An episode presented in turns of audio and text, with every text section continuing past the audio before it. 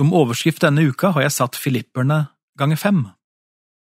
Paulus sitter i fengsel i Roma, og der skriver han flere brev. Et av dem, Filippebrevet. Det er skrevet cirka i år 60, så det har nå altså gått snaue 30 år siden langfredag og første påskedag. Og det er fem sannheter ifra det brevet vi er godt i gang med å stoppe for denne uka. I går stansa vi i kapittel tre, der Paulus snakker om å bli funnet i ham. Ikke med min egen rettferdighet, den som er av loven, men ved den jeg får ved troen på Kristus. I dag fortsetter vi i det samme kapittelet, men noen vers lenger ut. Filippebrevet 3, og fra vers 13. Brødre, jeg mener ikke om meg selv at jeg alt har grepet det, men ett gjør jeg, jeg glemmer det som ligger bak, og strekker meg ut etter det som er foran, og jager mot målet, til den seierspris som Gud har kalt meg til, der ovenfra i Kristus Jesus. Det er egentlig bare første del av dette vi skal se på i dag. Jeg glemmer det som ligger bak, sier Paulus, og så strekker jeg meg ut etter det som er foran. Skal lure på om ikke det er en og annen som lytter denne dagen, som hadde bruk for akkurat det. Det kom opp et bilde på Facebook når jeg satt og forberedte dette. Der var det en brun bakgrunn, og så var det en hvit og tydelig skrift, og der sto det følgende. Livet er som ei bok. Du kan ikke endre de sidene som allerede er skrevet, men du kan starte et nytt kapittel. Var ikke det flott? Livet er som ei bok. Du kan ikke endre de sidene som allerede er skrevet, men du kan starte et nytt kapittel. Jeg møter mange rundt om i forsamlingene våre, som sitter med dype, vonde sår. Jeg reiser fra Finnmark i nord og til Mandal nede i sør, og bort til Halden og tvers over landet til Karmøy, og mange, mange plasser jeg reiser og møter mennesker. Ja, så møter jeg mennesker som har opplevd at det gikk så gærent i livet. Syndeminner som ligger der, ting som røver frimodighet og hvile og frelsesvisshet. Det gjør rett og slett livet ganske så komplisert. Og vet du, Paulus visste også veldig godt hva dette gikk i. Han var jo en sånn en sjøl. Jeg skal si han hadde minner av den dårlige sorten i sitt liv. Jeg glemmer det som ligger bak, sier han. Det som ligger bak, hva, hva var det for noe?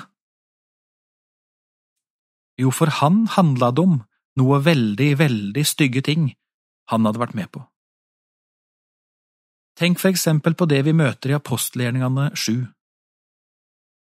Den første matyr blir drept.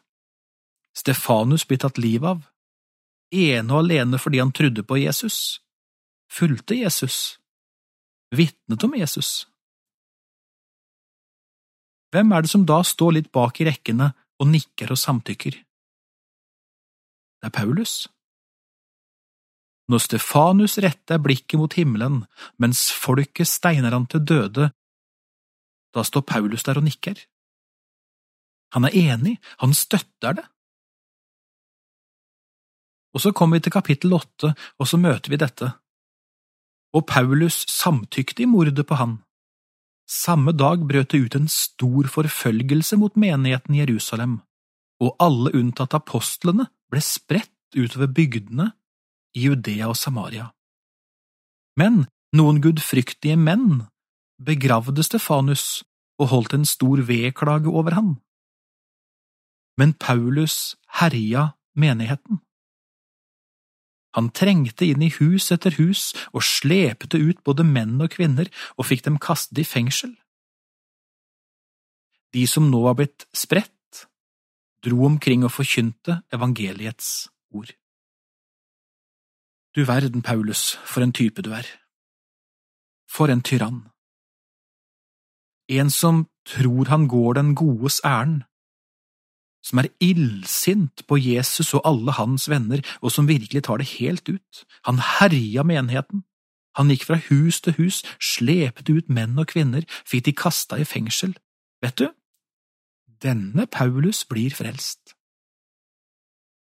Han får møte Jesus, og nå blir alt nytt.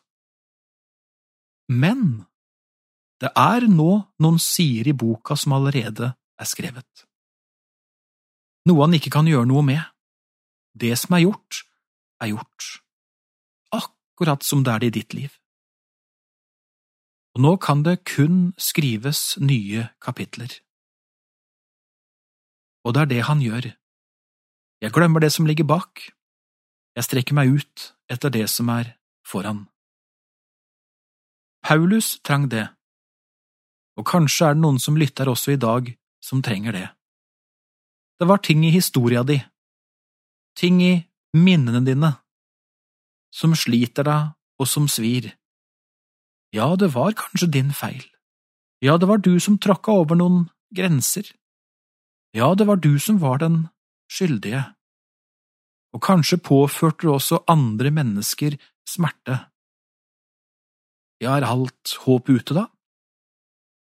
Når alt tas ifra meg, åssen, står jeg igjen da? Om alt håp er ute? Nei, langt ifra.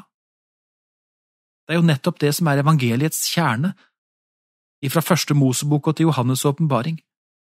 Og Paulus sier det så tydelig her i dag i andagsordet vårt, du skal få glemme det som ligger bak.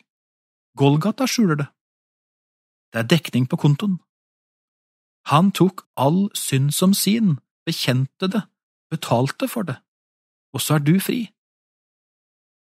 Vet du, dette er et herlig, befriende budskap. Kunne Paulus leve slik, ja, så kan også du det. Livet er som ei bok, du kan ikke endre sine som allerede er skrevet, men du kan starte et nytt kapittel. I dag gjelder det deg.